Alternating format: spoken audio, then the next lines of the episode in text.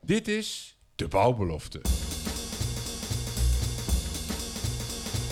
De podcast voor bouwers die het anders en beter willen doen. Met altijd een frisse kijk en dwarse blik. Arjan Tullintunnel. Anders en beter luisteraars, dat is waar we voor gaan met de bouwbelofte. Deze podcast bestaat in juni 2023, twee jaar. Een mooie gelegenheid om in twee afleveringen met spraakmakende gasten kort terug te blikken en ook een beetje vooruit te kijken. Eh, welkom Bart Kok, welkom eh Cem Ada. Ja, AI gaat ons redden. Dat is de veelzeggende titel van eh, deze podcast. Voor degene ook hier in de zaal. Want voor deze ja, speciale gelegenheid nemen we op met publiek erbij. AI staat voor Artificial Intelligence. Met als rode draad, rode draad een blik op 2030. Eh Cem, even om maar mee te beginnen. Eh, gaat AI ons redden? Ja, dat, eh, dat gaan wij vandaag pleiten, toch? Ja, Ja, is het dat niet, dan is de verdoemenis in helpen. Dus eh, we zijn positief vandaag, dus we gaan vooral de goede dingen belichten. oké. En dan eh, komen we erachter. Ja, en dat doen jullie ieder vanuit jullie eigen professie, hè, Cem? En Bart, eh Cem, eh, vertel eens, wat doe jij in het dagelijkse leven?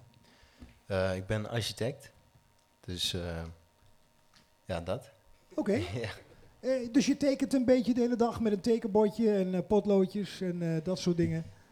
ja, nou ja, dat is inderdaad vaak de perceptie, maar uiteindelijk ben je als architect natuurlijk ook een soort mediator tussen alle partijen in de bouw. Dus wij proberen eigenlijk door middel van magie en een pen en papier, zeg maar, dat te verwezenlijken. Oké. En Bart en jij, wat doe jij in het dagelijks leven? Ja, daar kan ik een heel boek over schrijven. Maar het komt erop neer dat wij eh, bedrijven helpen bij Connect2 met de digitale transformatie. En dat doen we middels AR, VR-technologie en middels eh, ja, beproefde dingen als eh, Agile en Scrum. Dus dat klinkt heel technisch allemaal. Hallo Bart, het, het duizelt me nu al van alle termen. AR, VR, Scrum. eh, komt Lean ook nog voorbij toevallig? Ja, dat is gewoon een vast onderdeel, dus eh dat Oké, komt helemaal goed. ja, ja, ja, ja. Nou, we hopen dat jullie wel wat duidelijkheid gaan verschaffen. Eh, ook richting de luisteraars en onze gasten die mogelijk er nog minder van weten. Want ja, ChatGPT sinds november afgelopen jaar, als ik het goed zeg, is helemaal hot. Iedereen heeft het erover. Herkenbaar Bart? Ja, en, en wat al wel interessant is, kijk, we hebben hier ook wat mensen in de zaal zitten. Wie heeft dat wel eens gebruikt om eventjes ook hier... Nou, voor de luisteraars die niet mee kunnen kijken, ik denk zeker acht van de tien gasten, zeg ik het goed? Ja, nee, Die en hebben het is wel eens mooi. gebruikt. Dan gaat eh, AI, on- AI ons redden, blijkbaar. Ja, ja, nou dat is al een mooie conclusie, kunnen we stoppen. dat gaan we niet doen overigens. Tegelijkertijd, ehm, ChatGPT gaan we zo meteen nog verder over spreken. Ehm, maar ehm, ik wil even naar een film, hè Bart. Eh, Minority Report. Voor de filmliefhebbers. Kort gezegd, waar gaat die film over? Ja, Minority Report met, eh, hoe heet die ook alweer? Eh, Tom Cruise. Ik weet niet of jullie de film hebben gezien, maar daar is AI zo ehm, ja, doorontwikkeld dat ze eigenlijk voordat jij iets hebt gedaan wat verkeerd is, jou kunnen bestempelen als een crimineel en ook kunnen oppakken. Dus dat is een beetje het uiterste waar AI heen kan gaan als je het hebt over hè, bijvoorbeeld voorspellingen geven. En dan kan je denken van ja, maar dat is een film. En dan heel even nog. Ja. Eh, Google heeft net aangetoond dat ze eigenlijk met AI nu al veel beter kunnen voorspellen aan de hand van ja, technologie die heel achterloopt. Wat normaliter alleen via eh, een hele moeilijke scan in een ziekenhuis in de westerse wereld gedaan kan worden. Dus je ziet dat die modellen zo in lijn lopen dat we straks veel meer kunnen halen uit de dingen die we nu al misschien al als data hebben. En, en gaan we daarmee ook naar ehm, een samenleving? Want eh, voor degenen die het volgen, al is het maar op hoofdlijnen. In China is men al heel ver met de inzet van camera's en hoe mensen zich gedragen op straat of waar dan ook. Of is dat een verkeerde vergelijking? Ja en nee. En eh, ja, is dat wenselijk? Eh, misschien wel, misschien een beetje, misschien helemaal niet.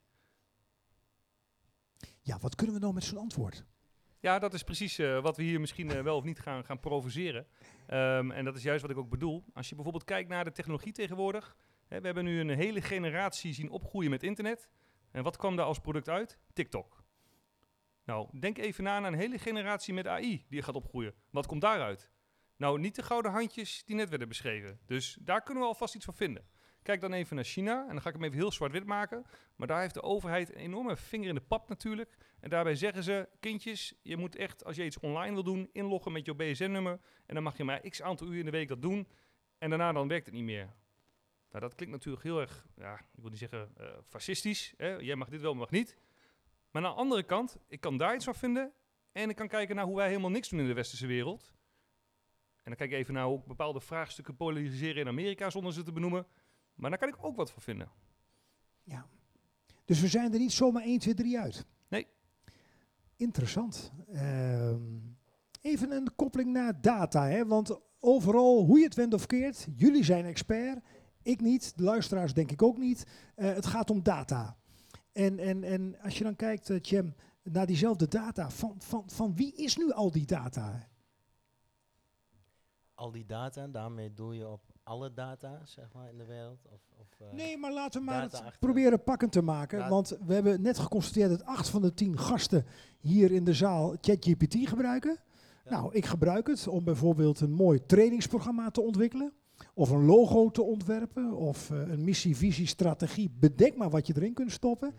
Doe ik copy-paste. Maar wie is nu eigenaar van zeg maar, wat ik uiteindelijk gebruik? Nou ja, dat is dus precies zeg maar eh, eh, een beetje het probleem wat het onderwerp ook zo gevoelig maakt. Eh, dat is ook de reden waarom er nou een soort AI-act is ingeroepen. Dat is eh, zelfs door de mensen, dus uiteindelijk zijn het toch weer de techbedrijven die, die dit initiëren. Dus die aanvankelijk al die data in eh, dat soort systemen stoppen om AI zeg maar eh, voort te brengen. Maar ook diezelfde mensen die zeggen nou van, eh, nou volgens mij moeten we even even wat rustiger aan doen, want eh, we gaan iets te snel. En zij zelf weten eigenlijk al niet meer, ze weten wat ze erin hebben gestopt, maar omdat artificial intelligence nou capabel genoeg is om zelf door te groeien, door middel van machine learning bijvoorbeeld, of deep learning, dat zijn allerlei soorten. Maar eh, eh, daardoor hebben ze geen impact meer op wat er uitkomt. En dat is een beetje tegelijkertijd het, het enge ervan, zeg maar. Eh, eh, en, en daarom willen ze nou regulaties en, en een soort beleidsvorming. En daar willen ze een soort van, ja, ze hebben zelf zes maanden geroepen. Al weet ik niet of dat dan eh, genoeg gaat zijn. En doel je dan op wat heel actueel is? Het is nu juni Het 2023, is heel wat er in actueel. EU Ja. EU-verband vanuit de Europese Ja, Unie ja. gezegd wordt. Vanuit dus, Brussel. ja, precies. Dus uh, Europarlementariërs en, en mensen, weet je, die, die hebben daar echt een petitie voor openstaan. Volgens mij hebben ze nou iets van eh 30.000 nog wat. Maar goed, ja, wie gaat het eh, stoppen? Of, of is er wel... eh, tegelijkertijd, als je even teruggaat, artificial intelligence, wanneer denken jullie dat dat eh, soort van voor het eerst is ontstaan? Wie heeft er een suggestie? Hoe jong is AI? Ja. Wie durft er iets te zeggen? Een jaartal of Of misschien... jaren hoor ik zeggen. Oh sorry, 80 jaar geleden. Ja, 80 jaar geleden. Ja, dat klopt. Ja, In de jaren 40 is het eigenlijk eh, begonnen.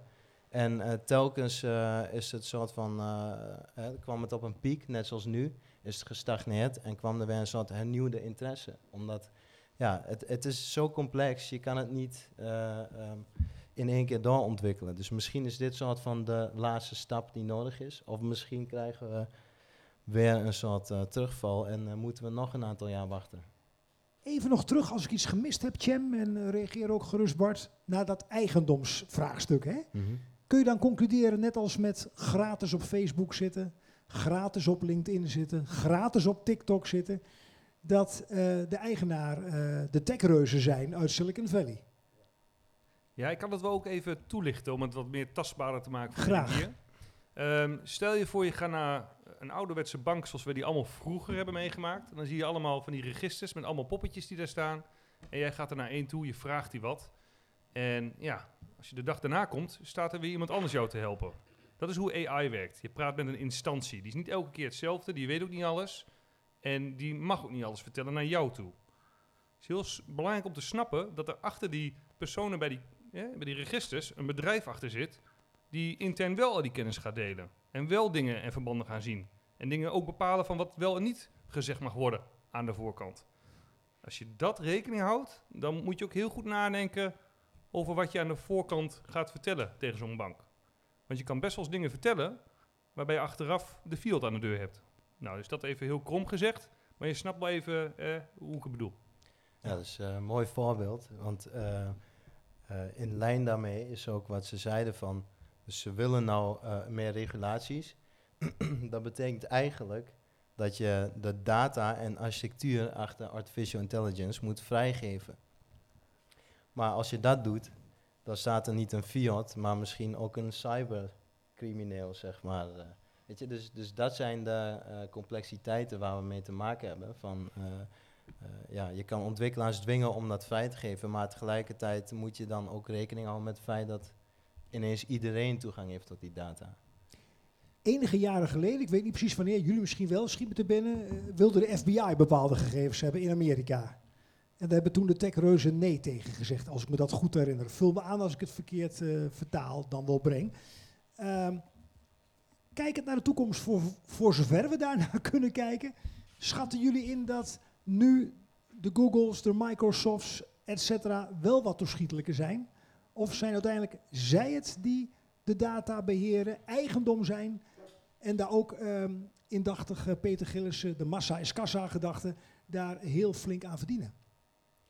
Nou ja, in principe, eh, als ik kijk naar Nederland, eh, dan zou ik zeggen niet. Want de AVG-wet die is natuurlijk ontstaan vanuit het idee om persoonsgegevens te beschermen. En juist data wat anoniemer te maken. Dus onder andere al die camera's uit China die overal in de stad hingen, waar zowel de gemeente als de politie als iedereen 24-7 bij kon. Ja, dat is nou helemaal veranderd door die AVG-wet. Omdat ze hebben gezegd van, nou ja, eh, een instantie hoort per definitie niet 24-7 te kunnen monitoren. Ja, het is wel mooi, Cem, dat je dit voorbeeld aanhaalt. Dit, dit zijn de officiële regels. Mag ik het zo zeggen? Ik zie jou al kijken, Bart. I- Dat is wat we zeggen. En dat is ook wat we de controleurs laten zien als ze al überhaupt langskomen. Eh, en maar de we- praktijk is toch totaal anders. En dan verwachten we ook dat de mensen die komen controleren capabel zijn en, en alles snappen. Dus dat zijn allemaal eh, what-ifs. Ehm, maar als ik even heel goed kijk naar dingen die nu al spelen, waar eigenlijk ook helemaal niks mee gebeurt. Hè. Kijk even naar de huidige ontwikkeling van het internet. Kijk naar wat daar allemaal kan. Eh, ik had ooit eens een keer een praatje meegemaakt van eh, iemand bij Twitter, die best wel hoog zat.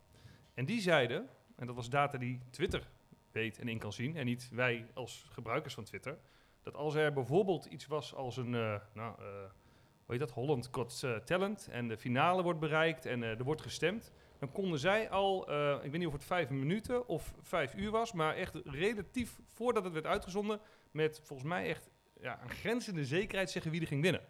Nou, als jij denkt dat die bedrijven dat niet in hun voordeel gebruiken, of in ieder geval richting hun aandeelhouders, of zorgen dat hun aandeelhouders daardoor blij worden, dan vind ik dat heel naïef. Los van dat we natuurlijk wel de grote mensenmassa blij kunnen houden met allerlei dingen, eh, zullen er altijd wel een heel klein percentage zijn die dat uiteraard zeker gaat misbruiken. Ja, Ja, reageer uiteindelijk-. Uiteindelijk is het natuurlijk een ethische kwestie. Want er was een voorbeeld, daar moest ik aan denken, Bart, toen je het net had over eh, als ze criminelen willen oppakken bijvoorbeeld.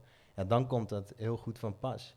Dat was eh, eh, via eh, AI eigenlijk. Ze, eh, en het openstellen van data had volgens mij de FBI inderdaad, ja wie anders, maar die hadden dan een crimineel die al twintig jaar, een ex-maffiabaas zeg maar, die was al twintig jaar uh, voortvluchtig. En die hebben ze opgespoord. En zijn enige vraag was van, maar hoe dan? Want ik, ik heb alles afgedekt. En toen zei ze van, nou ja, we hebben jou op eh, Google Street View eh, gevonden. eh, op basis van ons data, database, zeg maar. En, en ja, zodoende. Ja. Dus, en, en de vraag is, mag dat? Net zoals een ander geval waarbij bijvoorbeeld een verkrachter van... allemaal altijd, helaas gebeuren dat soort dingen, maar... een jong iemand en die wordt verkracht en, en in het ergste geval nog vermoord. En je zoekt de dader. Nou, er zijn gevallen waar, waarbij ze dan een super pixelige foto, dat is het enige wat er is, dat hebben ze in zo'n AI-systeem gegooid. En even later eh, hadden ze de dader, zeg maar. Maar vanuit de data privacy wetten gezien mag het officieel niet. Ja. Ja. Dus Ja, en dan, dan even nog kort terug naar die AVG. Hè, want, want de privacywaakhond, zo staat hij ook bekend in ons land. Concrete vraag, hoe veilig is AI in het hier en nu op dit moment, juni 2023? dat weet niemand nog. Dus de enige juiste conclusie is waarschijnlijk niet. Ja, Precies. E- Even voor de verbeelding, hè, want dat vind ik wel mooi. Ehm, je hebt in het verleden allemaal eens gehoord. Ik heb het één keer ervaren, mijn vader ook al een paar keer. Dat je een berichtje kreeg op je telefoon met... Hé, hey, dit is je dochter, ik ben mijn telefoon kwijt, bla bla bla. bla. Pas nog gehad, Nou. zelf. Hey.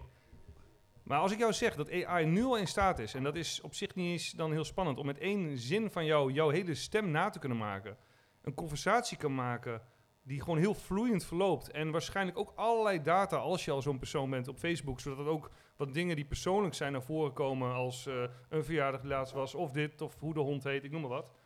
Dan moet je nagaan hoe er een generatie opgelicht gaat worden waar je niet bij stil wil staan. Want dan kan je gewoon niks meer vertrouwen wat je hoort. En ja, dat is dan geluid, maar zien wordt straks ook gewoon lastig. Dus de gevolgen, zonder doemdenker te zijn, die zijn eigenlijk niet te overzien. Nee, en eh, ook wat Cem zegt, eh, ja, criminelen gaan dit vinden en gaan het gebruiken. En er zullen genoeg mensen zijn, net als met het internet, eh, die denken van, ah, dat is allemaal niet nodig. Maar ja, AI kan natuurlijk ook weer een hulpmiddel zijn om dat weer te achterhalen. Maar ja, als je dat niet omarmt, ja, dan eh, loop je achter de feiten aan. Ja. Precies. Sterker nog, eh, misschien een leuk bruggetje naar de voorgaande spreker inderdaad. Er, is, er zijn hele recente voorbeelden waarbij dus eh, AI zoveel impact heeft, ehm, dat het heeft geleid tot eh, nou ja, zelfdoding van een persoon. Dat was een artikel die, die dat ging dus om, is wel een hele pessimistische benadering trouwens, dat bruggetje. Maar die, die was zo bezig met, eh, met eh, de verduurzaming en, en hoe de wereld er nu aan toe is. En toen had AI uiteindelijk, had eigenlijk hij AI zo ver gekregen dat AI hem had gezegd van, nou ja, weet je, eh, één minder betekent, nou ja, Ja. je snapt het. Dus dat is wat hij heeft gedaan. ja. En dat is ook misschien een interessant onderwerp van een misinterpretatie van AI of misgebruik ervan. Dat eh, zijn ook nog wel eh, gevaren, zeg maar. Ja, nou, dat- eh, dat vind ik wel mooi om even op in te haken. Als je niet Ja, doe dat. Dat hoeft geen misinterpretatie te zijn. Want als wij eh, het model voeden met allerlei dingen en alleen maar vragen gaan stellen over hoe we het duurzaam kunnen doen, dan kan een hele goede conclusie zijn dat er te veel mensen zijn op aarde. Of dat we er te veel blijven aanmaken. Hè? Of een combinatie van. Ja. Kijkend naar, naar, naar, naar, naar jullie vakgebied, hè, met name jij, Cem, en kijkend ook naar de bouwclub. ehm, manipuleren van, van, van, van data. Hè? Je, je gebruikt als architect eh, AI-achtige eh, pakketten. Bijvoorbeeld berekeningen manipuleren. denk aan de gevolgen voor offertes, tekeningen, etc. Hoe, eh, hoe kijk jij daarnaar? Ja, wat nou natuurlijk heel erg speelt is eigendomsrecht. Dus eerder had je een gebouw wat gebouwd is. Dat kun je als referentie gebruiken, maar dat staat er overduidelijk. En je gebruikt een foto van een gebouw die door een architect is gebouwd. Maar als je nou diezelfde foto gebruikt en in een AI-machine stopt, die daar een aantal variaties op maakt, dan valt in, in principe al je patent weg. Dus ja, van wie is dan dat en en volgens, stel dat je dan een plaatje hebt, een afgeleide van eh, eh, een- gebouw van Berlage of zo, wat iedereen kent. Oh ja, het lijkt er verdacht veel op, maar het is het niet. En eh, dus ja, van wie is het dan nu? En, en, en eh, ineens heeft het heel veel media-aandacht en weet ik veel. Nou, dan wil degene die dat beeld heeft gegenereerd, die wil misschien wel eh, patent. Van ja, maar dat, dat heb ik gedaan. En vervolgens heeft hij daar geen recht op. Dus dan is het soort van Dan heb je het over eh, in, in lekentaal, zoals ik dan denk. En ik denk ook menig luisteraar over auteursrechten, dat soort zaken. Ja, precies. Copyrights, Ja, ga ja, zo ja, maar door. ja. Ja. Moeten we misschien niet voorlopig concluderen dat dat eigenlijk een oud verdienmodel is? Als we kijken naar de koppeling met de techniek die er gewoon nu al is. Dat is eh, een goede, eh, goede vraag. Ja. Ja. Hoe zie jij dat, Bart?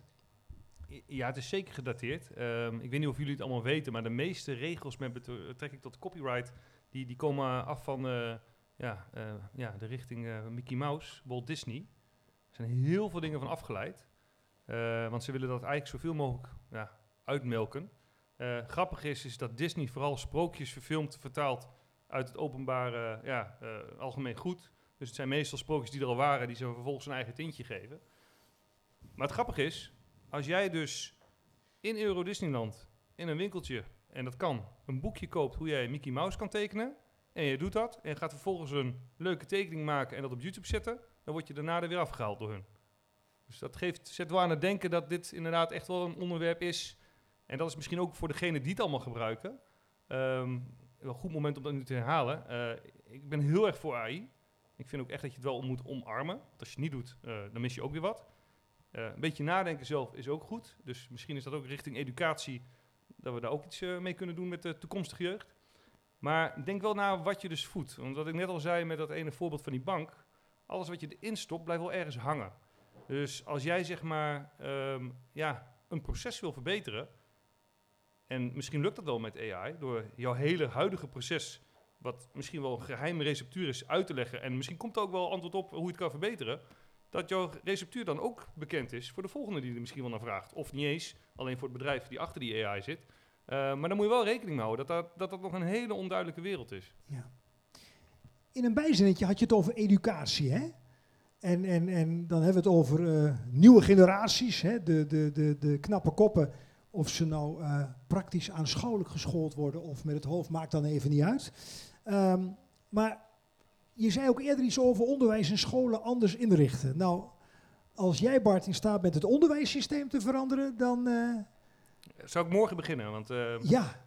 Ik, ik, heb ook kinderen momenteel nog op de basisschool en ik zie ook al hoe het gaat op de middelbare school. En nou, ik zou niet alles uh, zeggen dat het verkeerd gaat, maar ik zie genoeg ruimte voor verbetering.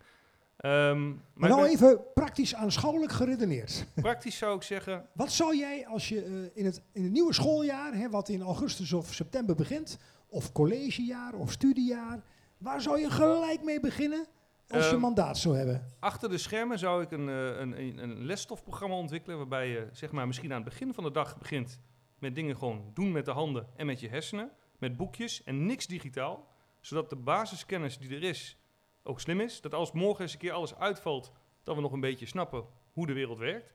En ik zou in de middag het lesprogramma juist misschien het niveau iets omhoog krikken, omdat het juist mogelijk is met dingen als AI om mensen snelle ding, dingen te laten doen. Ja, dan zou je toch denken, en ik denk menig luisteraar ook, waarom doen we dat niet? Ja, dat is. Uh, dan kan je dus morgen beginnen. Ja. Het is er al, hoor ik iemand zeggen, alleen bij mijn weten in de voorbereiding dan nog incidenteel. En de vraag is dus naar de jongeren van nu, uh, hè, want je hebt zelf ook kinderen, Bart, zei je net, hè? Ja. Ja, nou, om die er al bekend mee te maken, waardoor ze ook uh, eerder bekend raken. Schiet me in één keer te binnen, er is een tijdje geleden een vak geweest op basisscholen, niet structureel, dat heet mediawijsheid. Moeten we de jongeren van nu niet juist mediawijs maken, ook op dit vlak? Nou, ik denk dat dat, dat voor de jongeren geen... Uh issue is, die gaan hier, zij, zij gaan hierin mee, zeg maar. Dat, dat kan niet anders. Dat, dat, zijn de, dat is de TikTok-jeugd waar Bart het over had. Er worden al memes gemaakt over ChatGPT en weet ik veel wat. Zij, dus het is meer eigenlijk aan, aan, aan ons en uh, nog generaties, ik zeg wel ons, maar bijvoorbeeld ook nog generaties boven mij, om na te denken over wat, wat doet AI zeg maar met bijvoorbeeld uh, in ieders geval specifiek zijn of haar vakgebied. Kijk, als je, uh, als je kijkt naar eind jaren zeg maar 80, met de digitalisering, is er heel veel veranderd. En uh, alles is gedigitaliseerd, maar we zijn niet minder gaan werken. Dus daar waar je bijvoorbeeld orders aan het wegschrijven was in dossiers en in kasten en weet ik veel wat, ging je tikken en, en was het zeg maar acht uur werk, deed je in drie uur werk of twee uur werk. Maar we werken nog steeds acht uur. Dus wat doe je dan die andere vijf uren?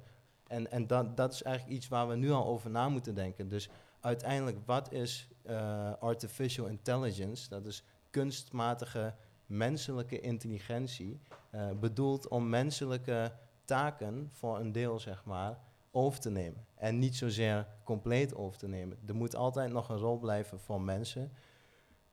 Dat zeg ik dan nu, maar goed, iedereen mag dat zelf uh, invullen. Nou, we gaan zo meteen nog even naar wat ja, vragen ja, uh, die mogelijk bij onze gasten leven. Want ook weer actueel, uh, al langere tijd gaande. menig congres wordt ermee gevuld of symposium.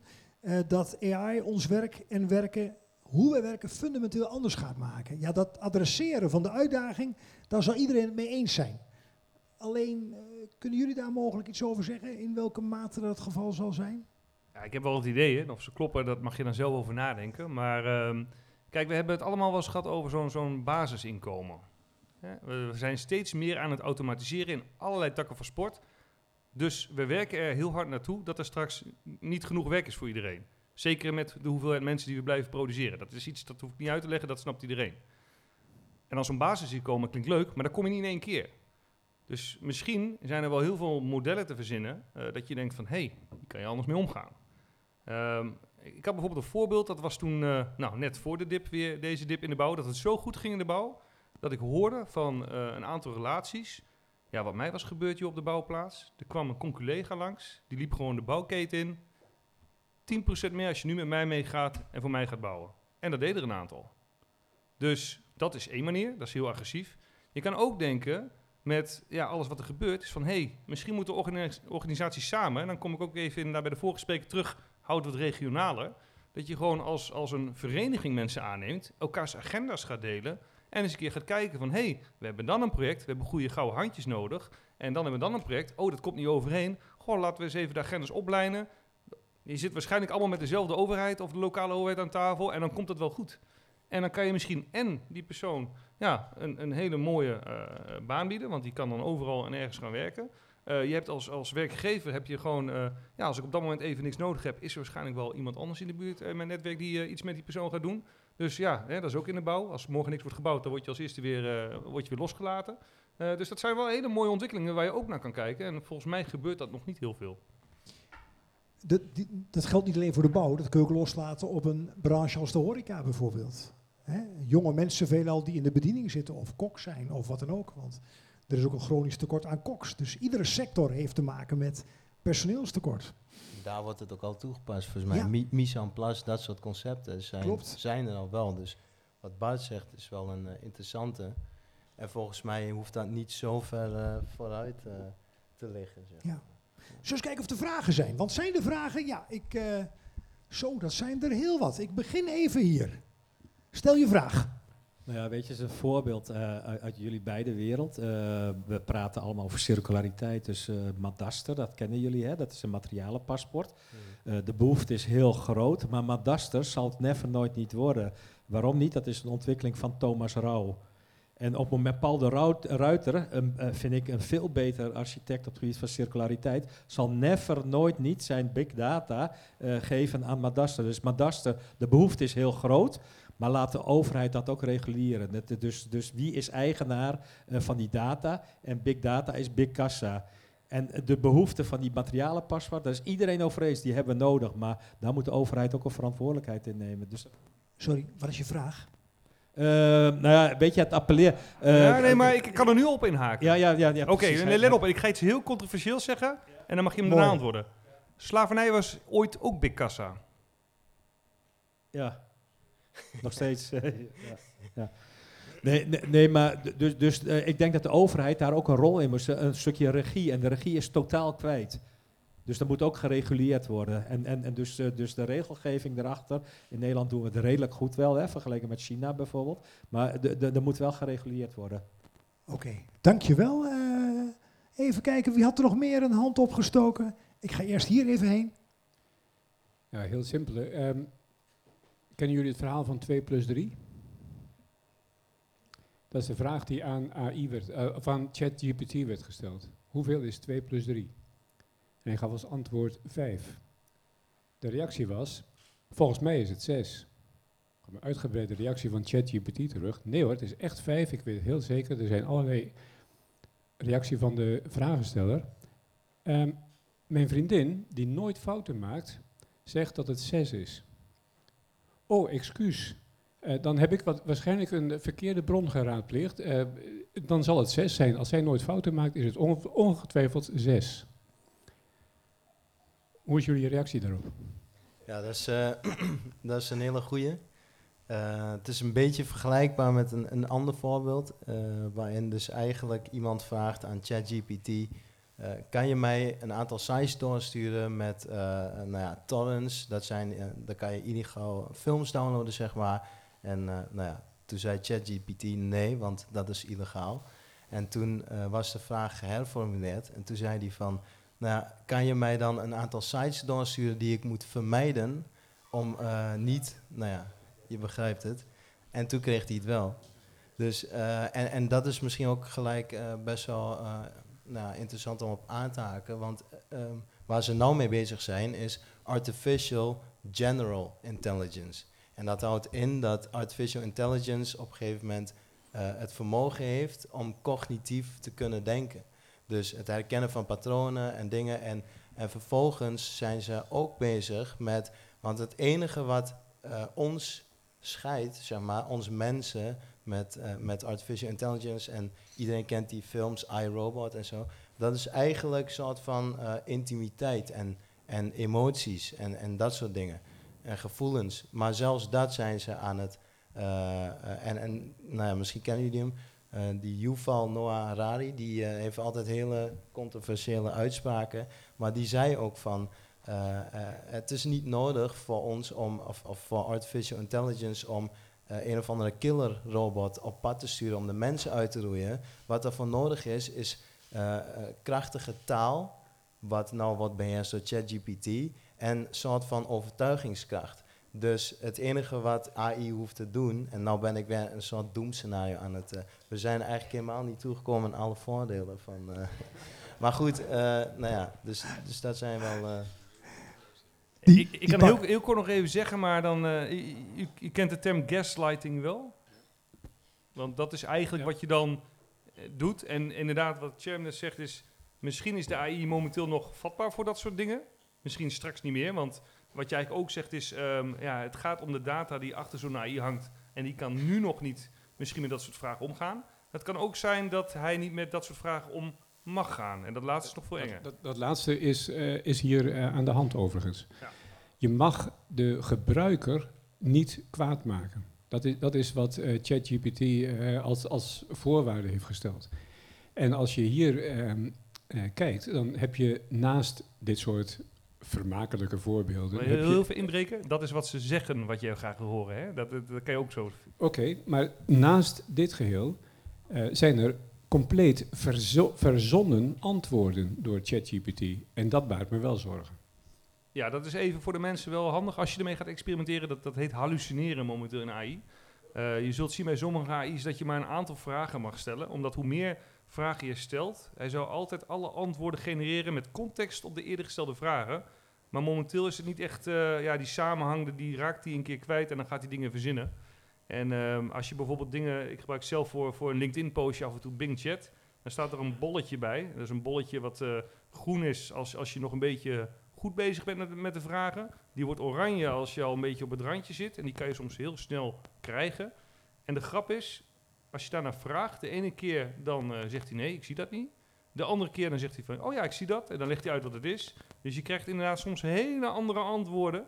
En ik zou ook vooral zeggen, als je het gaat gebruiken, gebruik het voor van die, ja, van die mundane tasks. Van die dingen waarvan je weet, ik, het is allemaal niet zo spannend. Maar joh, ik heb helemaal geen zin om, een, eh, om van dit onderwerp een, eh, ja, een A4'tje te schrijven. Als ik gewoon even tegen AI kan zeggen met spelfouten erin... joh, ik heb dit en dit, dit, bevindingen waren dit, dat... en ik gooi opeens een paar eh, dingen alsof het lijkt alsof een kat op mijn keyboard loopt... dan komt er daarna een antwoord uit waarvan de expert zegt... van, ja, je hebt je goed ingelezen, klopt helemaal. Nou, daar moet je het voor gebruiken. Ja, maar, weet, maar weet je wat het vervelende is? Niet iedereen gebruikt het op die manier. Ja, en dat is inderdaad dan misschien het volgende probleem. Eh, net als internet, misschien moet je niet alles op internet gooien. Hier was, sorry, hier is ook nog een vraag. Ja, bij eh, ChatGPT dan, eh, ja, eigenlijk zie ik dat altijd zo voor me dat je een vraag stelt en dat je dan gewoon een antwoord terugkrijgt. En dat antwoord dat komt dan ergens van, van, van het web af. Eh, en we hebben het al gehad over eh, het voeden van eh, ja, bepaalde data in ChatGPT en, eh, en ook over copyrights. Maar ik ben wel benieuwd, hoe kijken jullie aan tegenover bijvoorbeeld het vermelden van, eh, van bronteksten als jullie een vraag stellen aan ChatGPT? Ehm, Dat is een hele mooie vraag. Dat is een hele mooie vraag. Ja. Ja, eh, ik denk dat eh, AI die haalt zeg maar zijn informatie van zoveel plekken dat dat heel erg complex is. Dus zelfs wanneer er regulaties zijn, dat eh, misschien een eh, systeem als artificial intelligence al niet eh, capabel genoeg is om dat te kunnen. Want het is echt zeg maar een combinatie van zelfs woorden hier vandaan, zinnen daar vandaan, teksten daar vandaan en Weet je, en, en nou ja, goed.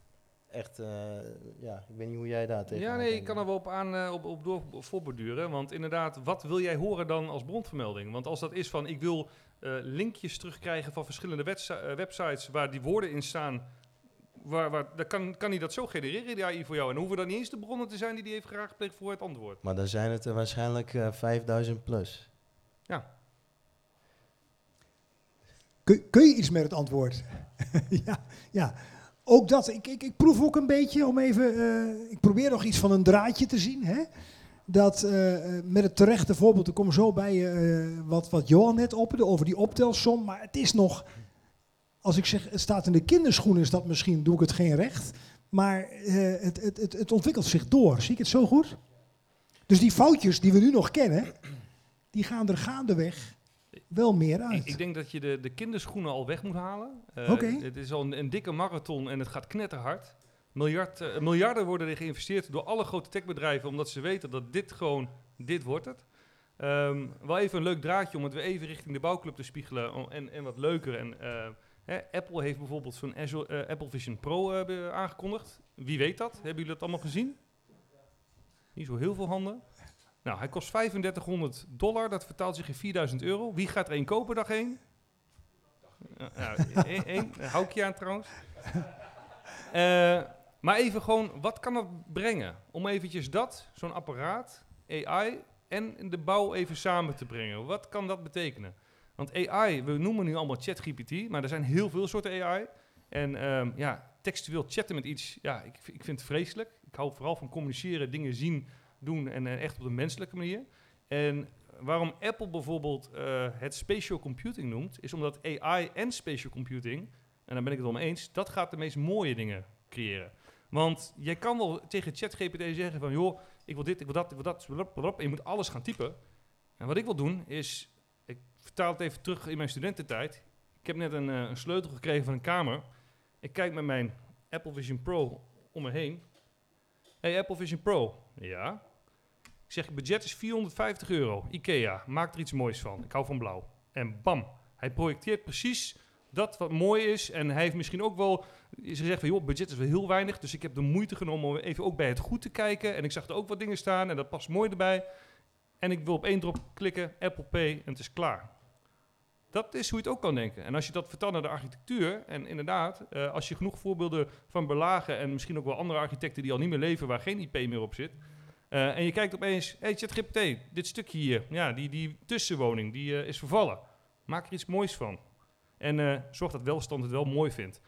Nou, die kan misschien wel achter de aankomen welstand. Oh, dat is die. Gaat terug op een verjaardag. Ziet opeens van, hey, die is daar geboren. Oh, stukje sentiment uit zijn jeugd erin planteren. Van een raampje wat hij herkent. Onbewust misschien wel.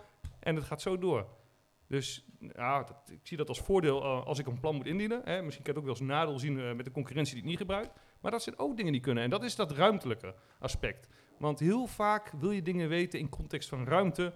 Als je naar de koelkast gaat, vond ik ook een mooi voorbeeld. Je doet de koelkast open. hey, wat kan ik hiervan maken vanavond? En dan komt iets gewoon een maaltijd uit. En Gordon Ramsay legde daarna ook nog uit bij jouw countertop hoe je dat moet voorbereiden. Ik ga nog naar drie vragen stellen en dan moet ik eindigen. Dus wel even naar, ik hoop, een korte vraag. Ja, korte vraag, maar ook nog even daar, daartoe eh, kom ik even naar de blockchain. En blockchain, dan denk je ook al direct aan die bitcoin. En die bitcoin, die vreet heel veel CO2 door al die computers die draaien. Nou, dat zou met ChatGPT dan ook alweer zo zijn, dus dat past helemaal weer hier in het thema. Maar wat is de relatie dan bijvoorbeeld met eh, blockchain? Leg mij eerst en Cem uit wat jij verstaat onder blockchain. Nou ja, die blockchain, eh daar is een paar jaar geleden werd er heel veel over gesproken. Hoor nu eigenlijk helemaal niks meer van, want dat zou heel erg ingebed worden met alles en de veiligheid. Ehm, maar ik zie, ik zie dat als een ontwikkeling en dit ook heel erg als een ontwikkeling. Maar wat voor een ontwikkeling? Wa- wa- wat, is het voor jou? Want het is ook heel vaak een term die wordt geroepen. En dan is het een term. En ik, ik moet zelf zeggen, ik weet niet hoe het Cem is, maar eh, ik heb er heel veel over gehoord. Ik heb er nooit echt in de details eh, naar gekeken. Ik snap wat de doelstellingen ervan zouden kunnen zijn. Maar uit welke hoek vraag jij wat je daarmee zou willen? Want dat is dan wel Ja, doel, blockchain zeg maar. is dus een, een methode waarop eh, data dan wordt opgeslaan die niet ehm, vervalst kan worden, zeg maar. Ja, het is eh, inderdaad eigenlijk eh, elimineer je de, de, de soort van derde partij die aanhaakt wanneer je een soort contract hebt met eh, een andere partij. eh, dan is er altijd een derde partij, wat vaak de bank is, eh, eh, die dat zeg maar dan bemiddelt. En blockchain is eigenlijk ontstaan vanuit het idee van, nou ja, we elimineren die derde partij, we gaan dus decentraliseren. En dat decentraliseren, dat gebeurt eigenlijk nu opnieuw inderdaad, met artificial intelligence. En het decentraliseren is exact eh, wat ertoe heeft geleid waarom niemand nou eh, nog wat van eh, blockchain hoort. Want ze zijn al bezig met de regulaties ervan. Omdat decentralisatie niet echt past binnen, zeg maar, nou ja, dus... Oké, dankjewel Cem. Dan ga ik nog naar twee vragenstellers. En die zitten, meen ik, in deze hoek. Ja, stel je vraag. Ehm, ja, eh, mijn naam is Gabi Abdallah. Ik had gehoopt eigenlijk dat wij eh, meer het over hebben eh, over de, eh, in de bouw. Wat kunnen we eigenlijk hiermee zien we kunstmatige intelligentie als eh, bedreiging of als de, de, een, een zegen? Mijn, mijn zorg is de snelheid waarmee dit soort ontwikkelingen eigenlijk plaatsvinden. Eh, als ik kijk naar de kracht van de computers, de hoeveelheid data die beschikbaar is om te trainen, maar ook de technologie achter eh, kunstmatige intelligentie, daar maak ik eigenlijk zorgen over. Want eh, technologie ontwikkelen is één, het toepassen daarvan is twee. Ga naar een website bijvoorbeeld zoals ehm, eh, This Person Doesn't Exist, dat is één. Ga naar ChatGPT of ga naar andere websites. Als je kijkt hoe de combinatie van dit soort technologieën het mogelijk maakt om straks bijvoorbeeld het werk van een architect eh, tot 80% te vervangen door zelf gebouwen te ontwerpen, want dat doen we op dit moment wel met parametrisch eh, eh, ontwerpen. Ehm, dit zie ik eigenlijk als een gunst voor ons. Dus we kunnen efficiënter, veel beter, sneller dingen gaan doen.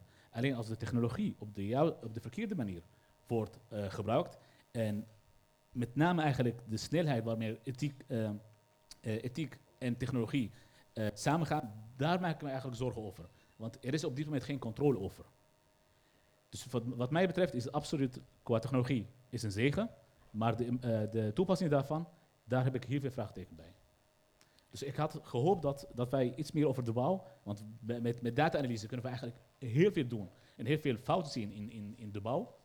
Die kunnen we eigenlijk corrigeren, eruit halen en volgende keer eh, be- beter, eh, beter doen. Alleen vaak is de discussie over, ik gooi een vraag bij eh, ChatGPT en ik krijg een antwoord of ehm, eh, van wie is de eh, eigendom. Daar maak ik me eigenlijk weinig, weinig zorgen over. Want als ik mijn kind naar school stuur, dan krijgt hij informatie van de docenten. En als hij straks zelf iets gaat bedenken, dan komt de docent niet van, hé, hey, dat heeft hij van mij geleerd. Hè? Dus ik denk dat wij naar deze kant gaan. Uiteindelijk is degene die de applicatie heeft, is ook eigen, de, eigendom, eigenaar van de outcomes daarvan. En wij als invoerders van, van al die data hebben we helaas niks te zeggen. Het is geen vraag, het is meer Precies. Ja, Maar- een, mo- een mooie samenvatting van, Mooie de, van de podcast. Ja, en eh, inderdaad, misschien eh, eh, voor een volgende keer dan iets meer inhoudelijk op, eh, op de sectoren. Ehm, maar uiteindelijk valt het en staat het wel met, eh, nou ja, shit income is shit outcome. Dus eh, wij zullen altijd nog een rol moeten behouden. Bedoel, dus niet alleen voor de architect, maar ook voor de ontwikkelaar, ook voor... eh, misschien een heel klein voorbeeld. Een gemeente heeft een, een soort tender, een uitvraag en die ziet een ontwikkellocatie en nou, hoeveel partijen moeten er samenkomen om iets van de grond te krijgen? Terwijl een AI, die gaat alles langs, weet je. Van bouwbesluit tot aan grenzen, eh, eigendommen, eh, weet je, architect, input, variaties. Nou dus in die zin, Ik, ik kan nog heel even Ik- daarop inhaken, wat ik wel Ja, interessant even vind. heel kort. Heel kort, om het even op de bouw te specificeren. Je hebt bijvoorbeeld dat mensen enorm aan het investeren zijn op BIM. En dat je dat vooral doet voor de eh, bedrijvigheid van het gebouw door de jaren heen. Maar als jij straks, en nu chargeer ik het enorm, maar als jij met vijf jaar met een nieuwe iPhone door een gebouw een foto kan maken en er doorheen kan lopen één keer. En ik heb helemaal geen sensoren nodig om van een dom gebouw een berekening te krijgen wat er beter kan en hoe ik het moet doen en dat. Zet dat misschien ook, bouw ook wel aan het aandenken waar je nu op moet investeren eh, met dat soort dingen. Dus dat is dan misschien iets, eh, een eye-opener alvast eh, naar waar dat heen kan leiden. Oké. Ene laatste vraag. Nee, geen vraag, maar rea- reactie op mijn buurman. Ehm, wij zijn ontwerpers, wij, zijn- hebben, wij zijn creatief. Ehm, op het moment dat een opdrachtgever ons betaalt voor een opdracht, dan eh, betaalt hij ons voor denkwerk, advieswerk. Ehm, de opdrachtgever is dan eigenaar van ons denkwerk. Als wij eh, dat AI gaan voeren met specifieke informatie, ehm, ja, is, is dat niet eh, terecht. Dus de vraag van wie is de data, van wie is dat hele eh, proces, Nee. Dat blijft de opdrachtgever. Ook om te zeggen van ja, we gaan een, een architect schakelen we helemaal uit. We doen het via artificial intelligence. Eh, nee, juist een architect en adviseurs zijn er om de vertaling te maken van de menselijke maat naar een eh, gebouw met gebruikers. Precies. Toevallig weet ik dat DVA gebruik maakt van simulatiepakketten. Eh, dus eigenlijk eh, het werk, of de, of de outcomes van het hele denkwerk is niet alleen van de personen zelf, maar ook van de software. Dus het is altijd technologie plus mensen samen. Eh, de klant betaalt voor de outcomes, niet voor hoe jij het bedacht hebt. Precies. En, en volgens mij is dat inderdaad eh, een mooie boodschap. Uiteindelijk eh, betaalt een klant niet voor artificial intelligence, maar wel voor een persoon die het kan mediaten.